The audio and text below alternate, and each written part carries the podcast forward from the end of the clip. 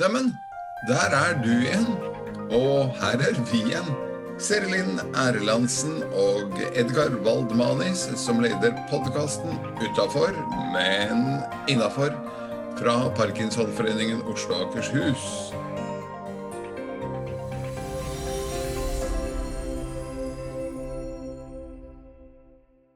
Hei, jeg heter Serilin, og ved min side så har jeg Våryre. Edgar, Hei, Edgar. hei. Er du yr? Eller er det Ja, bare sånn passelig. Jeg har observert at du har vært på um, seiltur. Eh, Eller har vært på Oslåen.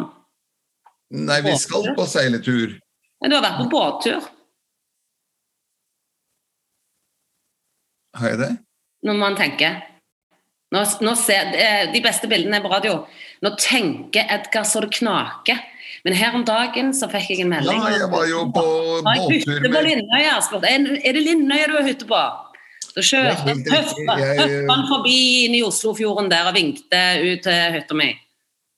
Jeg var på båttur med lokalforeningen Asker og Bærum om bord på ja. MS Rigmor. Ja, det Og var det var jo litt dårlig gjort at jeg ikke husket det med en gang. For det var en fantastisk hyggelig tur. Men da er det så bra at jeg husker det for deg. Ikke Og sant? trekker opp disse gode minnene dine. Ikke sant? Og det var eh, 35 parkinsonister om bord. Eller 35 deltakere totalt. Eh, hvorav noen jo hadde med ledsager en pårørende. Men så hyggelig at du kunne bare liksom hoppe inn i Asker og Bærum, og så litt sånn eh, litt sånn shout-out til Asker og Bærum da, som, som arrangerte det. Ja, absolutt. For vi snakker jo Eh, veldig mye om eh, lokallagene rundt her, så da er det jo så gøy at noen har gidda, noen har fått det til. For det krever jo et stykke arbeid, det vet jo alle, ellers hadde jo alle arrangert ting. ja. Eh, så det at en da Det gjelder å følge med på parkinson.no sine sider og se hva som rører seg, og hva tilbud som finnes. ja. For dette var veldig, veldig hyggelig, og vi kan i ettertid også gi ros til skipperen om bord. Som er utrolig kunnskapsrik om alt som rører seg i Oslofjorden. Og da f.eks. sier de fra når vi nærmer oss Lindøya, slik at alle kan ta et blikk på hytta di. Bortsett fra at han pekte ikke ut eh, den. Men han fortalte om Lindøya ellers, og alle de andre småøyene ja, fra Asker og Bærum og eh, tvers over fjorden til Nesodden og inn i Bunnefjorden og Operaen og Deichman og Munch og det hele. Fantastisk. Helt fantastisk tur. Nydelig. God mat var det også.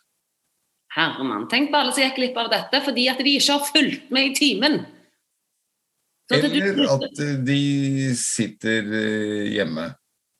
Ja, men hvis de, har fulgt med i timen, så tror jeg òg at hvis du ikke oppsøker Da mener jeg det at du hvis du ikke oppsøker informasjon, hvis du ikke er på ballen sjøl, så går en glipp av en del. For det er litt sånn Det er jo ingenting som detter alltid ned i postkassen din eh, av info, eller noen som banker på døren og sier 'du, vær med på dette'.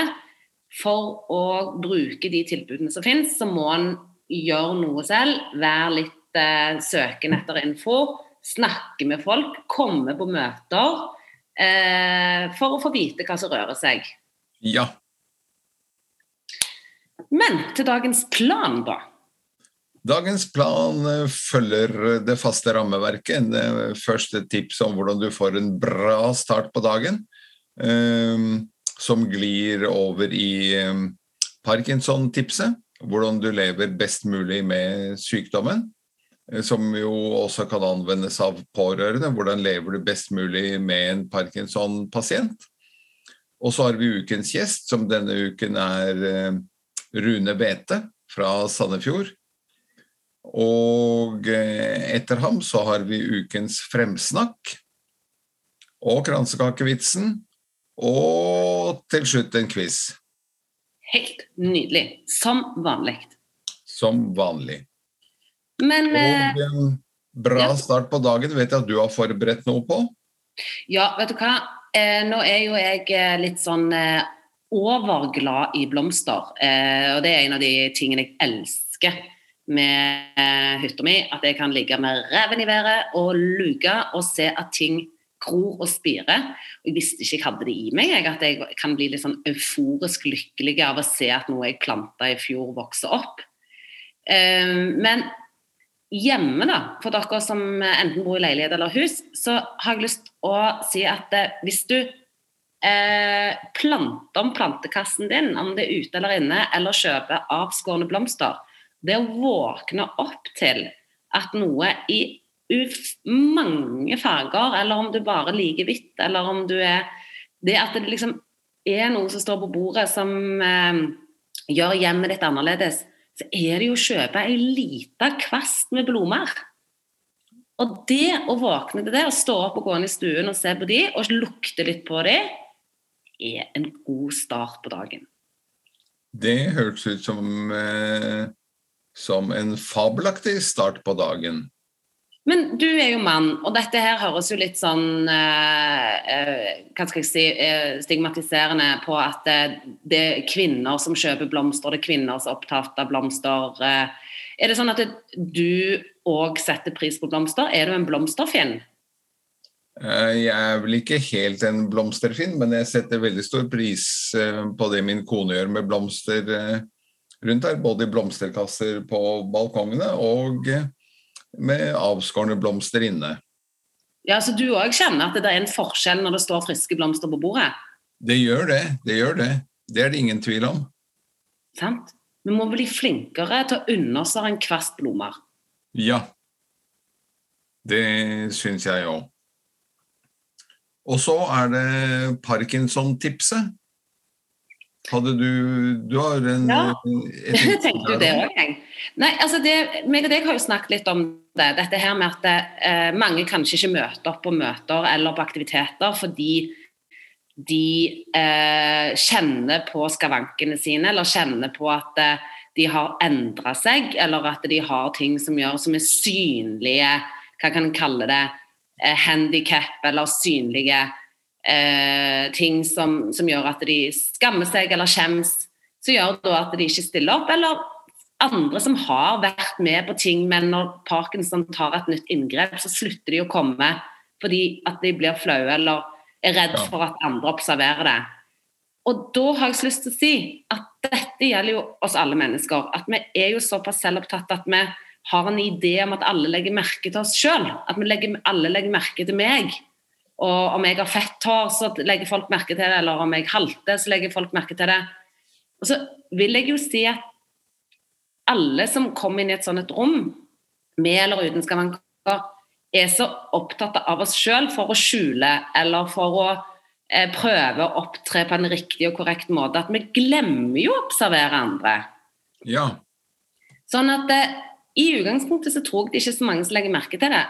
Men det er ikke bare det.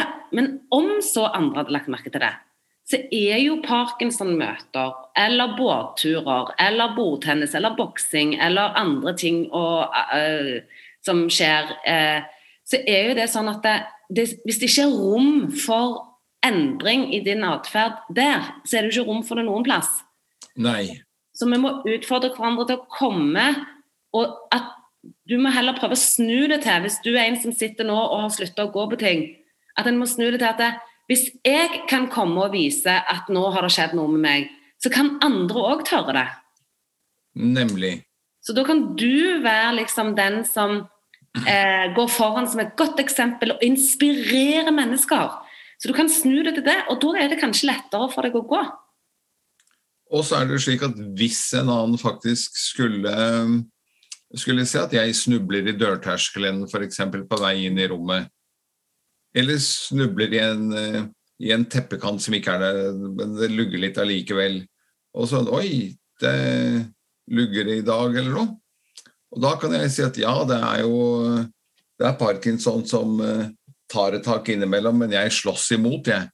Så, så går det relativt bra i løpet av dagen allikevel. Ja, så, kan, så er man ute med det.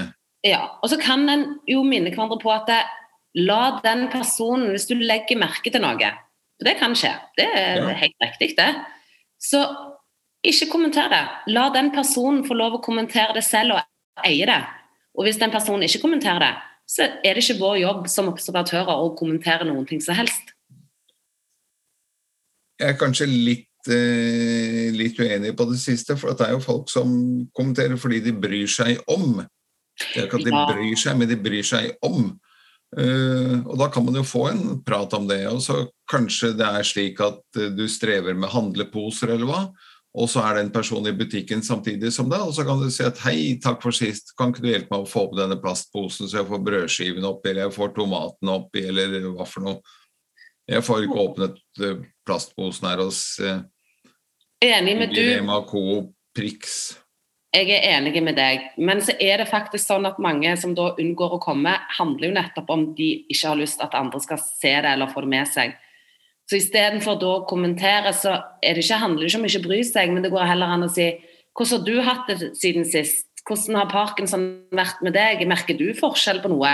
At det går an å undre seg mer enn å si du, nå så jeg at du snubla, eller nå ser jeg at du har begynt å bruke rullator, eh, sist var det stokk. Um, så tenker jeg, undre deg mer å få den dialogen enn å kommentere. Da begynner vi å nærme oss et veldig bra Parkinson-tips her. Eh, Det siste er jo at ikke bli sittende hjemme fordi om du snubler eller subber eller eh, eh, noe annet er feil, eller at stemmen svikter litt innimellom. Møt opp. For det er også slik at vi må være synlige i samfunnet. For at legestanden skal gidde å bry seg, for at eh, helsevesenet skal eh, sette av penger, så må vi være en eh, synlig gruppe som opptrer på diverse arenaer. Ja. Snu det til at du inspirerer andre, istedenfor at du har fokus på hva som har gjort et innhugg i deg. Bra. Det syns er det jeg landet ganske bra. Jeg var litt nedi på vei over kulen der, som det heter i hoppespråket. Men, eh, men vi hoppet nesten bakken ned. Mhm. Nesten bakken ned. Nesten. Skal vi koble på en annen en som trener mye og stadig vekk hopper Ja, om han ikke hopper bakken ned, så bokser han salen rundt. Eh, Rune Wæthe fra Sandefjord. Du, det syns jeg vi skal kaste oss på tråden med en gang, jeg. Da gjør vi det, vet du.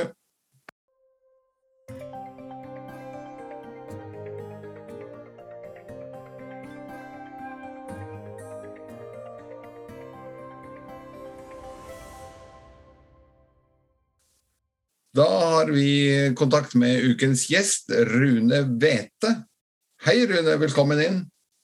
Hei, Edgar, og takk for det. Takk skal du ha. Hei, hei. Hei, serien din. Hvordan er, hvordan er formen? Formen er ikke så verst. Altså, det er, eh, Parkinson-formen er veldig bra, jeg sagt. Altså, jeg har litt sånn ryggvondt om dagen, en sånn prolapsgreie. Bortsett fra det så er det humøret er bra, og eh, Parkinson-formen er også ganske så god, rett og slett. Så bra. Du Takk. sitter jo nede i Sandefjord. Skinner solen der? Her skinner sola, vet du. Strålende vær. Så vi har akkurat grilla litt og flotte, flotte, flotte dager her i Vestfold. Er du en bader? Bad, har du bada? Nei, er du gæren? Nei, nei. nei. Det det skal være 23 grader og mer. Da er jeg klar for å bade. Altså. Ja, det skal det, ja. ja. Får vi sende ned en vannkoker, da. Det er på tilbud på tilbordskjeden nå, så jeg. Såpass. Ja. Men det tar nok litt eh, lengre tid med så mange liter. Uansett, eh, du er jo en longtimer i Parkinson-sammenheng, for du har hatt diagnosen nå i 13 år straks. Sånn. Men du er ikke mer enn eh, 47, har jeg notert. Så det betyr at du fikk altså diagnosen da du var 34. Det skal være korrekt utregna, Edgar. Du er kommentar også. Ja. Men, eh, og dermed så er du definitivt i den klassen som kalles eh, Young Onset of Parkinson's Disease, forkortet YOPD. Det er jeg nok, da. Ja. For vanligvis så setter man jo grensen der ved at man har fått diagnosen før fylte 55, eh, men den tok det med svært god margin. Hvordan var det å øh, å få diagnosen i så ung alder? Det er, det er jo tøft å få en sånn diagnose uansett, tenker jeg jo. Jeg ville tro da. Jeg har ikke prøvd noe annet, å si det sånn. Men, Nei. men jeg kjenner jo mange nå da etter hvert. Men det, det er jo det som er tøft uansett, er jo det å få en sånn sykdom som ikke man kan bli bra av, da, som ikke noe kur. Og Det kan være tungt sånn mentalt, og det er en mental prøvelse i det. Og det være så, altså, så, ung som jeg var da, og som også mange flere er når de får diagnosen, så i en litt annen, annen livssituasjon enn det de fleste andre er. Så jeg har jo to, to, gutter som nå er blitt 14 og 16 år.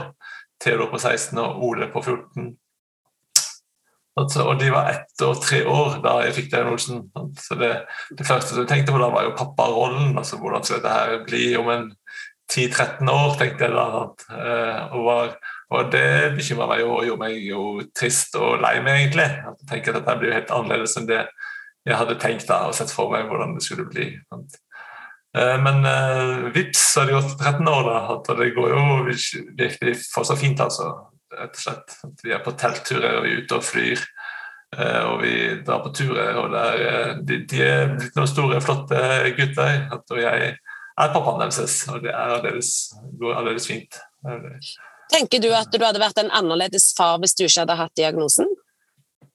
Ja, det vil jeg jo tro. Altså, livet går i sine svinger, det. Sant? Og dette blir en sving, og en annerledes, annerledes sving enn det jeg hadde sett for meg. Men eh, det er jo akkurat som kanskje en bedre far enn jeg ville vært uten, for alt jeg vet. Sant? Men, eh, jeg tenker at jeg er en, en god pappa, rett og slett. Det syns jeg. Mm. Så jeg tenker ofte på det at jeg er jo en heldig mann som har, det veldig veldig bra. Så jeg, og jeg kan også tenke meg selv at jeg er eh, lykkelig her jeg går på tross av 13 år med en, eh, en kjip diagnose. Så, så det, ja. kan, det, kan, det være, kan, det, være, at en føler seg mer heldig, at en er flinkere til å se det gode i livet fordi en har diagnose? At en ikke bare turer på?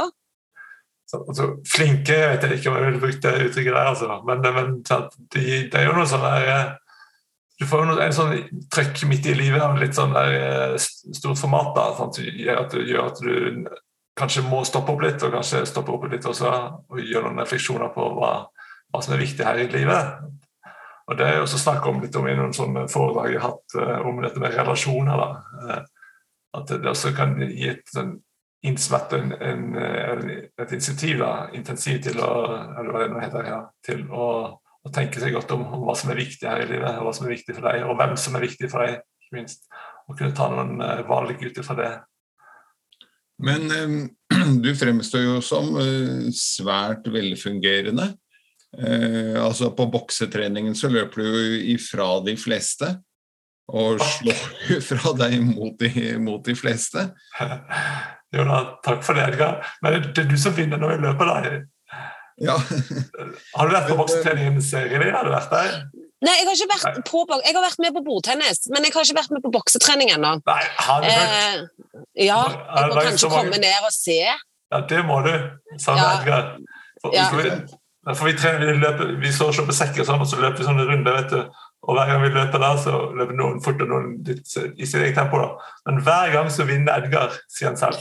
'Jeg vant!' roper han så, så nå var det egentlig bare snikskryt på deg. Kan kan løfte fram Rune først, og så skulle du ta æren etterpå. Nei, men, men, du har jo også gått gjennom den operasjonen som heter um, Deep Brain Stimulation. Stimulation er det. DBS. Som ikke har noe med sykkel å gjøre, men som har med en eh, ganske så krevende operasjon å gjøre. Eh, det ser ut til at eh, du har havnet i den veldig gode enden av skalaen? Ja, ikke sant. Jeg vet, ikke helt hvordan de skalaene fungerer, men i hvert fall for min del så er det veldig effektivt. da. Jo, altså Operasjon er én ting, men dette er jo en kontinuerlig hjelp. Sant? Det er jo små en liten, jeg har en liten sånn, uh, stimulator under huden her, som, en, som gir litt, litt, litt, litt, strøm hele tida. Og så da avhjelper de Parkinson-symptomene som jeg, har og da hadde. Uten at dette er noen kur, så hjelper den, der, den hele, strømmen der hele veien. da. Når du ligger der som en gaun, hjelp hele tida. Mens det, med levodopa og sånn, så går det veldig sånn opp og ned gjennom dagen. Da får du disse fluktasjonene. Sant? Så det blir en sånn jevn hjelp for meg hele veien. Ja. Eh, Når jeg sa riktig ende av skalaen, er det fordi jeg, jeg har jo truffet etter hvert eh, to håndfuller med opererte DBS-pasienter. Og noen av dem eh, må jeg dessverre si er blitt Om de ikke er blitt dårligere, så er de i hvert fall ikke blitt bedre. Mens du som sagt fremstår jo som i topp form og, og velartikulert og det hele. For det ser at enkelte andre er i ferd med å miste stemmen eller har mistet helt. Eh, går tre, tregt. Og ja, i det hele tatt så lurer jeg på hva som var eh, hva som skjedde med operasjonen uten at jeg skal legge meg opp i veldig dyktige nevrologers uh, fagfelt her. Nei, ikke sant. Men poenget er at parkinson er jo der fortsatt. Så, og, hvor, uh, og, hva som er hva i dette her, det er alltid så godt å si. Og hva som er parkinson som utvikler seg, for det vil den jo gjøre, og i hvor stor grad denne strømmen kan avhjelpe de symptomene den har. Ja. Og så er det også sånn at Etter operasjonen så tar det ganske lang tid, i hvert fall veldig ofte tar det lang tid å justere og stille inn den strømmen sånn at den blir mest mulig effektiv. Da, at du finner liksom ditt sånn ja, for dette er snakk om finjustering på, på millimeternivå. Ja, ikke sant. For mange hadde det. For min side gikk det også veldig fort. da. Jeg, jeg traff ganske fort på at strømmen hjalp meg, og, og hjalp meg da hele veien. Jeg justerte opp gradvis på strømmen, sånn, samtidig som jeg hadde ikke tatt så mye medisiner før nå i det siste, men nå begynner jeg å ta litt medisin igjen. sant? For at Parkinson utvikler seg hele veien, så selv om den DBS-en eller strømmen er effektiv har vært effektiv, så vil jo Parkinson utvikle seg fortsatt. Hva gjør du mest for å motarbeide eller ikke la Parkinson ta over livet ditt? Hva er det du bruker som enten mentale strategier eller fysiske? Ja, altså ta over livet, ta over livet. Altså, en ting er jo sånn uh, fysisk, at den griper tak i kroppen og sånn, og at symptomene begynner å sette seg. Og da bruker jeg jo trening. Å trene mye og hardt, uh, rett og slett. Uh, høy intensiv trening, altså gjennom boksing særlig, men også dette med spinning og sykling. altså det å få hard utholdenhetstrening og gjerne ja, Det hjelper jo. Og det viser også forskningen nå, da, altså at det, utholdenhetstrening er veldig effektivt og noe av det som kan, kan bidra, bidra, mest kanskje inn i dette her. Men så er det men mentalt og sånn, så dette med å bære en sånn sykdom i, hverdagen og i livet, så er det jo dette her med å ha ei, en god livspartner som du kan dele på ting med. Eh, og snakke med, og så er det som en støtte som min kjære Gunhild, Gunhild som er min samboer, og mor til mine barn, og livsledsager osv. Ja. Men, men der også er det noe med å passe på det at ikke det blir eh, for inngripende. altså hele Parkinson-biten blir for inngripende i det forholdet vårt også. Så vi var ganske tidlig ute med det å, søke hjelp, altså, uten at vi hadde noe krise i forholdet vårt eller i samboerskapet vårt. eller noe som helst, Så søkte vi en familieterapeut da, vi, som vi gikk til noen ganger, eh, tre-fire ganger, tror jeg det ble. Men dette var å kunne sette seg ned og ha et, sånt, et, et rom der å snakke bare til å snakke sammen og til å ha en, sånn, en profesjonell til å styre samtalen og kunne komme med litt uh, lure spørsmål her og der. Det var veldig veldig nyttig for oss, altså, selv om det, ikke var, det var ikke noen krise, vi ikke har hatt noen krise heller, egentlig, sånn sett. Uh, men at uh, det å forebygge disse tingene og kunne snakke om disse tingene i en sånn strukturert form, det var veldig nyttig for oss. Får, du, får indre, du får applaus fra meg, altså. Jeg skulle gjerne en knapp, knapp når jeg kunne trykke på med full applaus. For det er viktig, tenker jeg, sånn som du sier, at den må ikke oppsøke parterapirommet bare fordi det er en krise, men rett og slett for å ventilere. Eh, og det gjelder alle. Det er med uten sykdom i forholdet. Mm. Riktig. Og forebygge. An på delvis uh, samme spor og delvis litt annet. Vi ser jo at uh, når vi har forskjellige aktiviteter, enten det er det vi kaller medlemsmøter med noen foredrag, eller det er idrettslige aktiviteter, eller det er uh, medlemsmøter med foredrag om ting som ikke har uh, fjerneste med parkinson å gjøre, men bare som et treffsted, så kommer 15 snaue 20% av medlemsmassen, uansett hva vi finner på. Og når vi spør så, og når frem til hjemmesitterne, så sier de nei, jeg vil ikke at folk skal se sykdommen min, eller eh, at jeg vil ikke se andre som er sterkt rammet og sånn, for da tenker jeg at der er jeg om to år eller fem år, eller hva. Hva tenker du om å møte opp eh, på den type treff, eh, Rune? Eh, det tenker jeg er altså Man skal ha respekt for folk, eh, folks eh, både valg og, og, hvordan folk har det. altså. Man skal være forsiktig med liksom å overkjøre eller å trykke råd ned og ut over folk. på en måte. Men, men jeg tenker at det her med at, at, du er redd for å se fremtida i sånn, det er en sånn kjent, kjent, setning i miljøet at du går på et, møte i forbundet, så kommer du til å se fremtida di, og det ser jo forferdelig trist ut. og sånn at, og der pleier jeg å si at, det, at sånn er det jo ikke. Vi skryter jo veldig av at vi er hvor individuelle vi er, hvor individuell denne sykdommen er, og at vi er eh, både snøfnugg og et og ett. Altså, og, og, sånn er det jo, rett og slett. Og det, det, det betyr også at, at, du, selv om du ser noen som er veldig preget av sykdommen, så er det ikke sagt at det er sånn du blir om noen år. Her er det veldig individuelt. Og Veiland så sa de at du er alltid sykere enn du er akkurat nå. Og det har vært et sånn er et godt tips, egentlig. Og også et, også et tips som jeg har tatt med meg. Altså, selv om jeg tenkte langt frem med papparollen, og sånn, så har jeg også alltid tenkt veldig langt frem på sykdommen. Hvordan, den, hvordan det preger meg langt fremover. Altså, sånn. Jeg er her og nå, og jeg er ikke syk heller, men jeg er akkurat her og nå. Og det er nyttige ting inni den, den biten der. Og, og eh, andre veien også, altså, så er det Hva var den andre grunnen til at man ikke ville komme, sa du? At man ikke vil vise frem sin egen sykdom. Ja, ikke sant. Nemlig. Og altså, Hvis en snubler i dørterskelen eller noe, så sier folk oi, så dårlig Edgar er blitt, han klarer ikke å holde seg på bena engang. Ikke sant. Enda en vanlig frisk person kunne snublet i den samme ja. dørterskelen på akkurat samme måte. Ja, det er akkurat, men akkurat det der tenker jeg at det, er et viktig tema. og det altså, tenker jeg at Vi også bør kunne løfte litt høyere i miljøet, altså oss imellom. oss eh, sånn folk Vi i bransjen, tenker jeg. For at, for vi kommer jo til å få mer symptomer, rett og slett. Det skal vanskelig unngås. Og vi, du og jeg, vi kommer til å kjenne hverandre i mange år fremover, og vi kommer til å bli dårligere vi kommer til å bli dårligere sammen. Men hvor mye dårligere det, det, det, vi kan prege, prege litt gjennom trening, og vi kan bremse dette litt, og vi kan bremse effekten av symptomene og sånn en god del. Men at vi må tørre å stå, stå i symptomene våre og tørre å vise det, altså, det, er, det er ikke lett. Sant? Men det og hvordan vi gjør det, og hvordan vi kan snakke litt om det i miljøet, altså på, på hvordan vi kan gjøre det lettere for oss, det, det tror jeg er lurt. For sånn, for på boksetrening sånn også, så er det, når du har en dårlig dag der, så er det ikke lett å stå og gjøre disse øvelsene foran alle andre og tenke at det er veldig mye dårligere enn det det var for kanskje to måneder siden. og sånn. Og kanskje noen syns det kan være vanskelig å komme på, trening, komme på boksetrening også, fordi at symptomene begynner å, å øke på. Og det, og det, tenker jeg liksom, det er veldig trist og lei vei altså, hvis det skal være greia, men jeg, jeg kan skjønne det.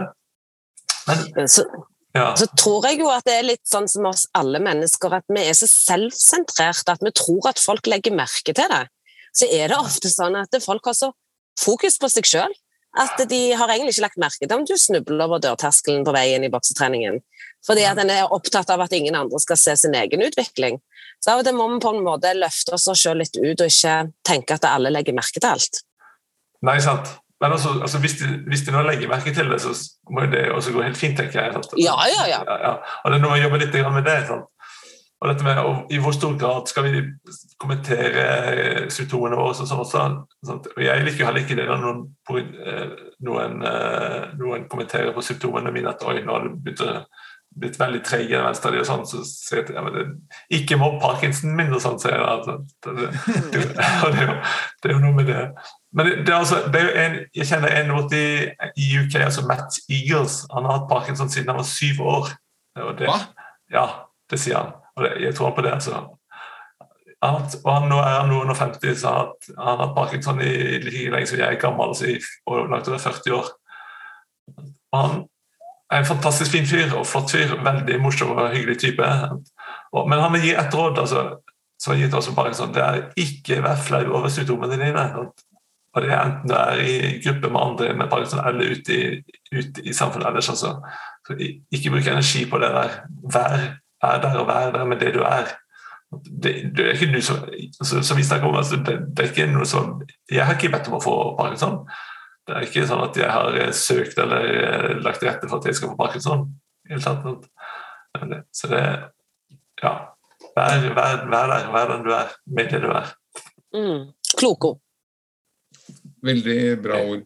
Vi nærmer oss uh, slutten uh, her. Um, vi har et fast utgangsspørsmål. Akkurat som at man har inngangsspørsmål på sånne gjettekonkurranser og quizer og sånn på diverse radiostasjoner, så har vi et utgangsspørsmål, og det er hvem vil du invitere til middag, og hvor? Helt fritt i tid og rom. Ja, det var det. Altså, det her, altså, svaret må jo bli livsdeltaker. Altså, Gud, sånn, men det, altså, bare så det er nevnt, det, det, er ikke mitt svar. Nei, nei. Men, men det vil sånn, Så for the record.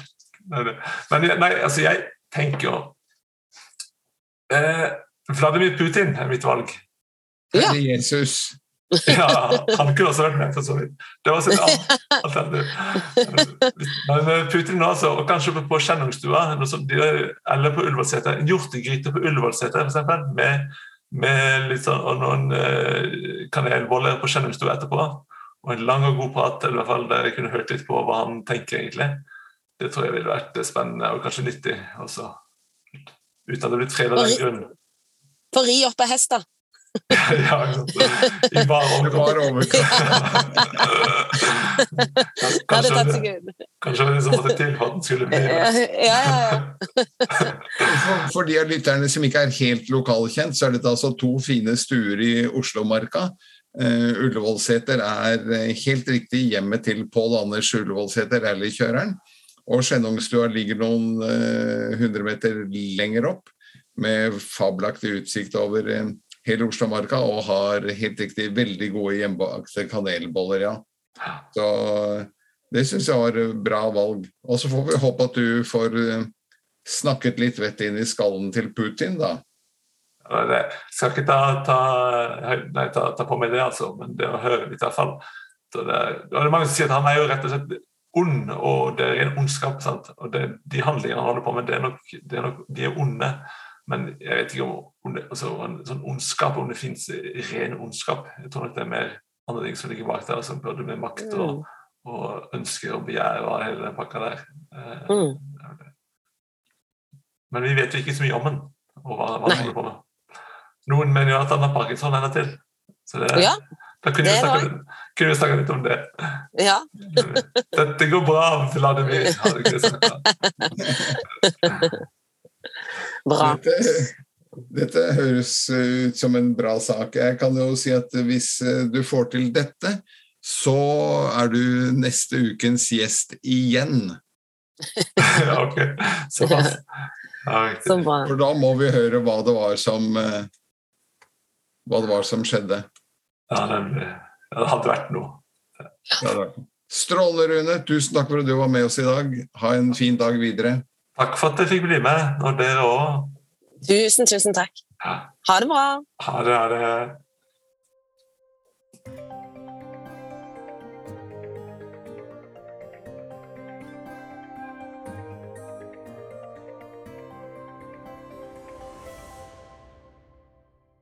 Da har vi kommet til spalten Fremsnakk. Det syns jeg er um, høydepunktet vårt ganske ofte. For jeg, det er hyggelig. Jeg får liksom litt sånn varm følelse inni meg når uh, vi sitter og fremsnakker det ene eller det andre mm. som fins der ute, som kanskje ikke får så mye hyggelig omtale alltid.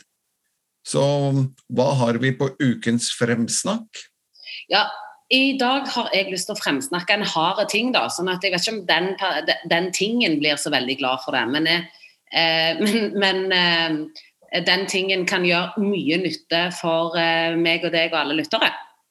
Men, eh, men, rullator hadde vi jo en gang forrige uke allerede. Ja, eh, men jeg skal nok en gang fremsnakke noe som ruller. Eh, ja, og jeg skal fremsnakke sykkelen.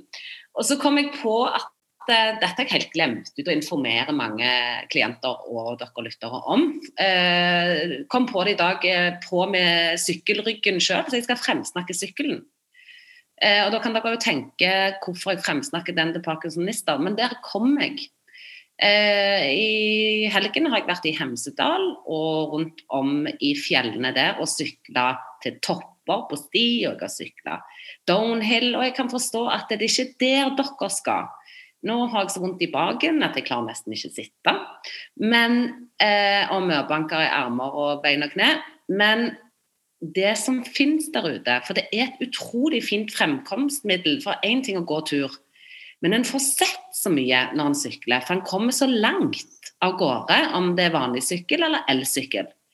Og på hjelpemiddelsentralen så kan du søke om Jeg har allerede noen klienter som har det en elektrisk trehjuling. Altså en sykkel som de fleste kan klare å sykle på hvis du går. Med eller uten rullator. Og så kan du òg ha den pårørende som sykler, og du sitter baki. For dette ligner litt sånn på en sånn Riksjå. En riksjå. Så dette kan du søke om, og du kan sykle rundt i nærmiljøet ditt. Eh, om det bor i by, så kommer du deg jo til Sørenga på et blunk med eh, konen eller mannen baki, eller dere bytter på. Så jeg bare liksom Heia sykkel! Sykle til Ekebergrestauranten, eller bor du lengre ute, så kan du sykle ned til Strendal eller rundt i Maridalen, eller hvor som helst i Marka. Og det gjør jo noe med at dere får En ting at du kan sykle alene, men så kan du òg sykle med den kjære, eller du kan sykle med barnebarn. Det tenker jeg er liksom sånn Jeg tror det er veldig få som vet om det. så ja, Dette har ikke jeg hørt om før du sier det nå, at jeg faktisk kan få en sånn en på hjelpemiddelsentralen. Jeg Ja. liker best eh, det poenget om at en eh, pårørende kan sykle, og så kan jeg sitte bak. Ja, så krever det jo veldig lite energi. sånn som Når jeg sykler elsykkel, så er det så viktig jeg blir svett. Men det er, handler noe om å få inntrykk på kort tid. At du ikke må bestille pasienttransport eller TT-tjenester for å komme seg til et sted fra A til Å. Det er ikke sånn at du går tur, for da går du den sløyfen du alltid har gått, om det er 100 meter eller 3 km, alt dette kan orke. Du kommer deg ganske langt av gårde på en elsykkel. Og det tenker jeg er derfor jeg hadde lyst til å fremsnakke den, fordi det er så mange som ikke vet om det tilbudet. Dette er jo helt fabelaktig. Det minner meg om det er litt digresjon eh, her i dag, men eh, vi er jo på siste episode før sommeren, hvis ikke vi har sagt det. Så da er det jo litt eh, løs, eh, løs jakke eller ingen jakke. Um, men for et par år siden så sitter vi på en restaurant eh, i København. Ganske langt ned mot sjøen der sånn, og har hotellet i andre enden av byen. Eh, Sitter der med et venninnepar av oss, og så sier de hvordan, er, hvordan kommer dere dere hjem i kveld? Og så sier jeg jeg tenkte vi kunne ta en sånn rickshaw. Eh, Men det skulle min kone ha seg frabedt, for det var så nedverdigende for at en eller annen stakkar der skulle sitte og sykle mens vi liksom satt og tronet baki. Men nå er det ikke alle som nødvendigvis vet hva en rickshaw er. Kan du forklare?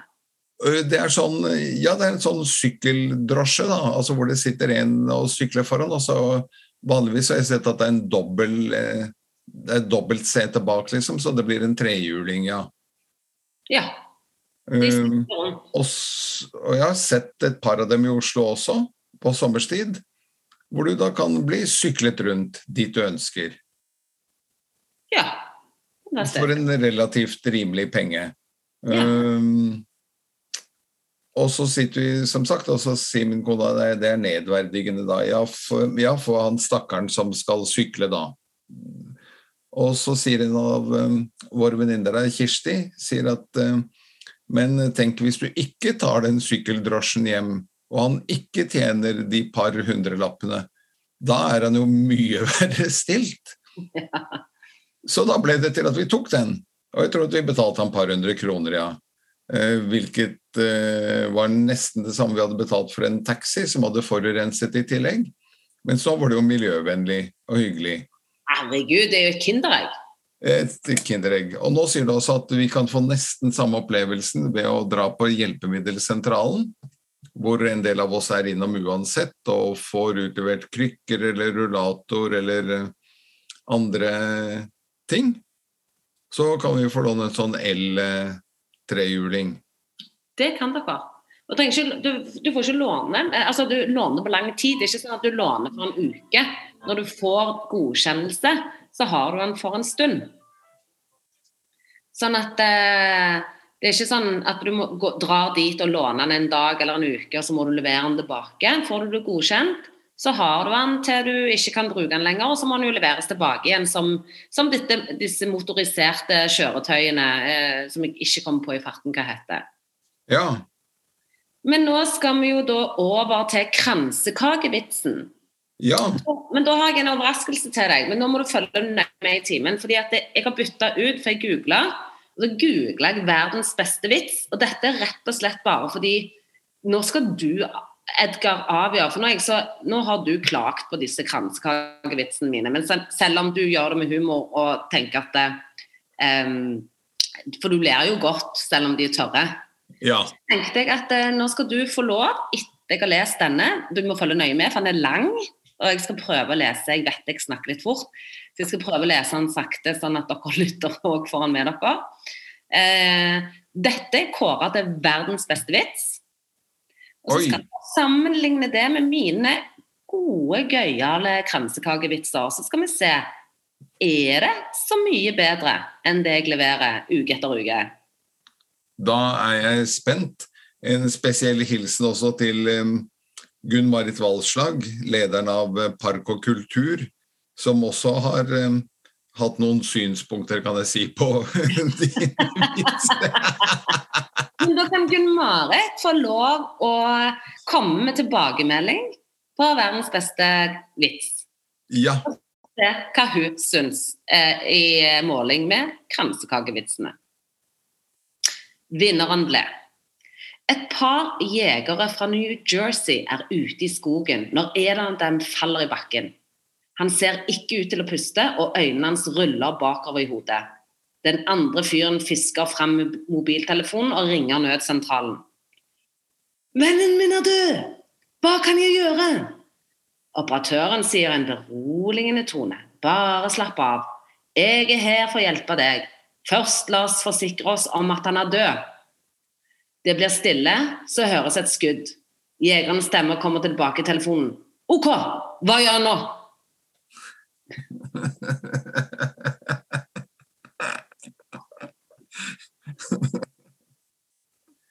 Altså, eh, hvor er vi henne? Eh, hvem vinner? Kransekakevitsen eller verdens beste vits? Jeg vil vel eh, kanskje stemme for uavgjort her, så slipper eh, Nei, eh, jeg vil ikke si at det der var fantastisk mye bedre enn eh, en dine. Eller våre. Jeg har jo bidratt med et par, jeg òg. Eh, verdens beste var vel et stykke unna, faktisk. Og da svarer psykologisk, som har kåra den, nå. Er dette verdens morsomste vits? Tja, vil de fleste si. Den er litt morsom, men neppe verdens morsomste. Og sånn er det jo, fordi at humor er jo så individuelt. Ja. Så dere lyttere må nok dessverre holde ut med kransekakevitser en stund til. Da må de det. Vi er vel da på spor av en quiz. Ja. Hva er temaet i dag? Nei, vi avslutter jo i god tro med litt sånn eh, litt av hvert. Lett blanding. Lett blanding. Hvor mange spørsmål har du? Nei, det kan du velge. Når du går lei, så kan du si stopp. Ok. Ja. Nei, vi kjører en fem-seks, eller er det ikke det vi pleier? Jo, det er det. Og så er vi kan strekke oss til syv, siden det nå blir sommer, sommerferie noen uker. Ja, vi kan kjøre det. OK, er du klar? Jeg er klar litt av hvert. Hvilken barnekarakter heter Alfie Atkins på engelsk? Barnekarakter? Mm. Så vi har ett ord på han, men på engelsk heter han Alfie Atkins. Jeg holdt på å si Tommy og tigeren, eh, altså hvor vi bare kaller ham Tommy. Nei, Alfie Atkins er fornavn og etternavn. Riktig. Å, sånn nå. Eh, hvem er det, da? Er svenskt. Er det Emil? Nei, det skal nok ligne litt mer på navnet, men det ikke ligner ikke helt. Men det er Albert Aaberg. Å ja. Nei, det hadde jeg aldri hørt, faktisk. Hva heter verdens største innsjø? Uh, det tror jeg faktisk ikke er en av de amerikanske. Jeg lurer på om det er den som heter Baikalsjøen eller noe i borte på Sibirkanten. Men eh, hvis det ikke Nei, kanskje vi skal tilbake til en av de amerikanske? På Victoriasjøen i Afrika? Ja, altså Det er veldig rart, for dette svaret har ikke noe med sjø å gjøre, for det slutter på hav. Det kaspiske hav? Ja! Bra! Ja. Ok, neste. Hvilken, hvilket ord brukes for å beskrive hvor tyktflytende en væske er? Eh, Det tror jeg heter eh, Det tror jeg heter viskositet. Eh, fantastisk. Det hadde jeg aldri kommet på. Eller visst. Du imponerer. I hvilket år tok den franske revolusjonen slutt? Du, du, du får pluss minus du, du kan, altså pluss minus ti år, eller altså sånn ish. Ja. Var ikke det sent 1700-tall, da? Jo, det var det. Men eh, klarer du å enda mer korrekt? Eh, Det er så vidt amerikanerne vi går over i det 1800. Hva? Ja, det er så vidt vi ikke går inn i det 1800. Ja, da blir det vel 1798 eller noe, da? 99? Ja! Bra! Ok, vi er tilbake i Spania. I, eh, vi skal ikke sykle, men vi skal til fiskeretten bacalao. Får sitt navn fra den spanske og portugisiske, portugisiske navnet for Norsk torsk. Yes! Eller klippfiskretter er det vel. Ok, Denne har jeg til deg, eh, og kanskje noen andre der ute. Jeg hadde jo aldri visst det, men i og med at du er litt på data, hva er QWERTY? Q-W-E-R-T-Y. Det er rett og slett eh, bokstavene på tastaturet. Hvis eh, de som følger med på, på podkasten nå, titter ned på mobilen sin eller på et PC-tastatur eller hva de måtte ha for hånden, så ser de at det står på den øverste bokstavraden så står det fra venstre mot høyre Q-W-E-R-T-Y. Og Det kalles et QWERTY-tastatur, for de, altså alle de andre bokstavene på tastaturet er da satt opp i en bestemt uh, rekkefølge i forhold til de seks, er det vel, QWERTY, ja, det blir seks bokstaver. Nydelig. Altså, nå leverer du på høyt nivå her, Edgar. OK. Eh, jeg tar den vanskeligste først. bare sånn du, Jeg vet jo du liker å avslutte med at du kan svaret. Eh, men jeg er ikke sikker på du kan svare av noen av de siste, men det regner jeg med at noen av lytterne våre gjør. Så jeg tar i hvert fall ikke som siste spørsmål, så tar jeg Hvor langt er dingogjerdet i Australia? Og da kan jeg bare si deg at jeg kjørte Greyhound med buss fra Perth, som da ligger på vestkysten, Riktig? til Sydney. Oi, det tar tre-fire dager, det gjør det ikke det? Eh, one stop, altså. Jeg kjørte natt og dag, og jeg var på buss i fire døgn. Ja, det var det jeg sa noe om at det tar vel tre-fire dager, sa jeg, så da Ja. Ja. Eh, ikke dager, døgn, faktisk. Herregud. Ja. Så det har jeg gjort eh, i min eh, ungdomstid. Eh, ung voksentid. Så Ja, jeg kan alt om Australia på langs. på tvers. Nei, på langs. ja. Ja. Ja og det går et dingogjerde der for å stenge Ja. dingoen fra den ene siden til den andre. Jeg vet ikke om det er midt over eller om det er rundt. Eller jeg regner det Men i hvert fall så har det et dingogjerde. Jeg vet ikke helt om det går på kryss eller tvers eller diagonalt, eller hvor det gjerdet går. Men det bare forteller noe om hvor stort landet er. Og Vi drepte mye dingoer på veien, for å si det sånn. Ja. Eh, la meg gjette på Og du kan velge, for jeg gir deg alternativ. 3614 km, 5614 km eller 10614 km. Da går jeg for det siste. Det var 5614 km. Ja. Men jeg la alternativene opp til at du skulle feile, da. ja. Jeg tenkte at det er sikkert eh, helt sinnssykt langt. Men 5600 Det er så sinnssykt langt. OK, siste. Hva heter Michael J. Fox sin karakter i Tilbake til fremtiden-filmene? Den heter eh, Og nå tar vi en liten pustepause her, sånn, så de som lytter kan tenke noe om de klarer å huske. At han heter Marty McFly. Ja! Altså, nå altså. Det avslutter strålende på quiz-sesongen vår. Han er jo verdens mest kjente Parkinson-pasient. Ja. Men det var jo ikke sikkert at du eh, derfor hadde huska hva rollefiguren hans fikk. Nei. Nei. Og han har jo faktisk spilt mer enn uh, Han har jo spilt i, i hvert fall to forskjellige sitcoms, altså sånne komi familiekomiserier i uh, USA. Så Så det kunne vært andre rollefigurer.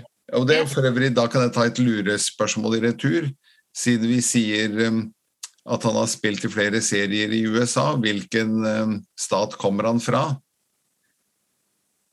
Å, gud. Um, jeg ville, altså det som slo meg, var California. Men um, han kan jo komme fra alle stater, han har flytta inn i um, Nei, uh, Florida? Nei, jeg aner ikke.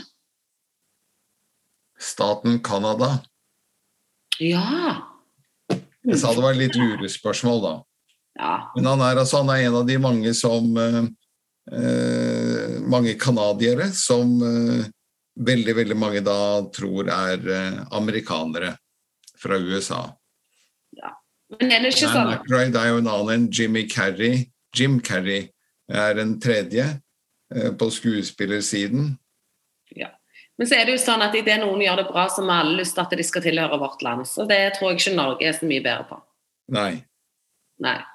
Men eh, skal vi si god sommer, da? Hva skal du gjøre i sommer, Edgar?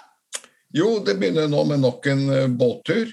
Uh, det er Bjørn Skare som inviterer folk med på en katamarantur i Hellas. Vi seiler ut fra Aten lørdag 11. Og så seiler vi fra havn til havn. Et ganske løselig program, for dette går på vær og vind. Hvor det er fint å seile med katamaranen. Katamaranene, skal vi si, for det er en 40 fots og en 38 fots. Vi er vel da til sammen 15-16 personer om bord.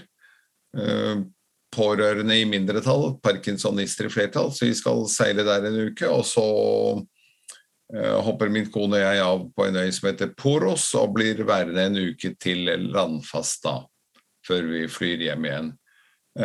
Og resten av sommeren blir litt til og fra i vårt nærmeste ferieland. Besøke gode venner her og der. Hva med deg? Skal du ut og sykle mer?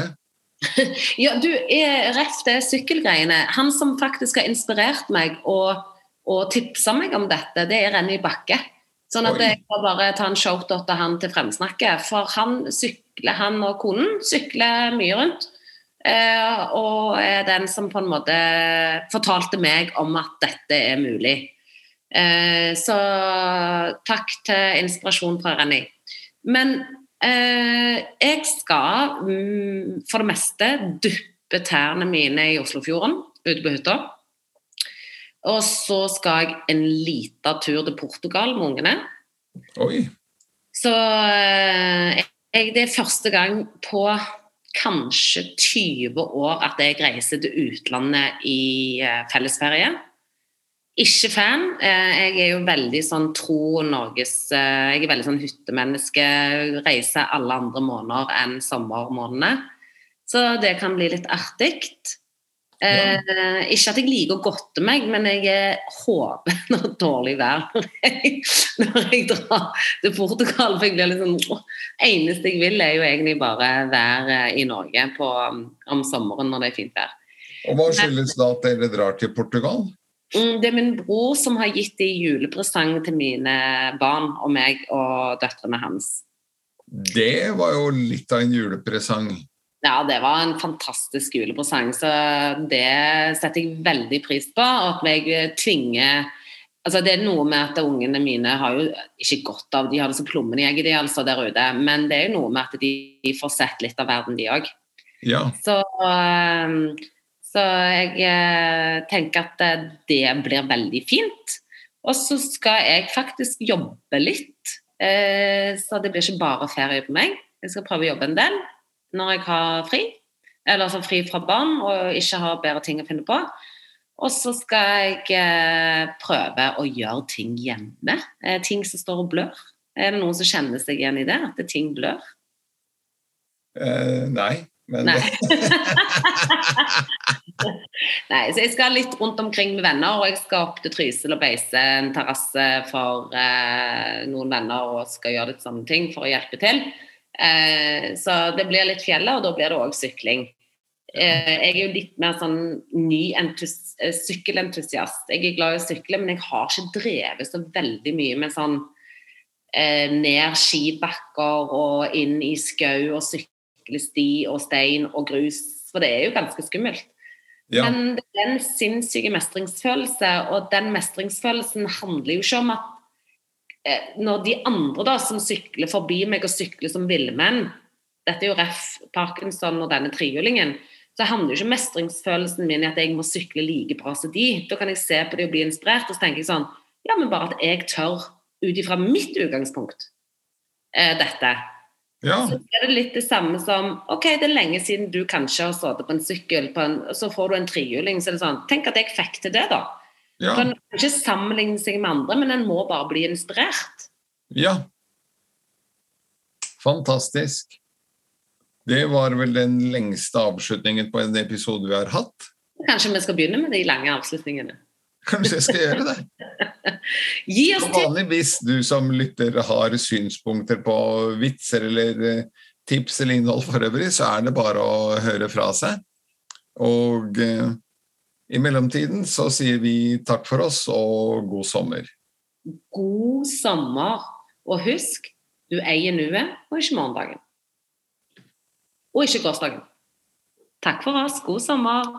God sommer. Det var alt for denne gang, og det vil si også alt for første halvår 2022. Serelin og jeg, Edgar Bolmanis, tar eh, sommerferie nå, og vi høres igjen med nye episoder og nye innfall medio august. Ha en strålende sommer.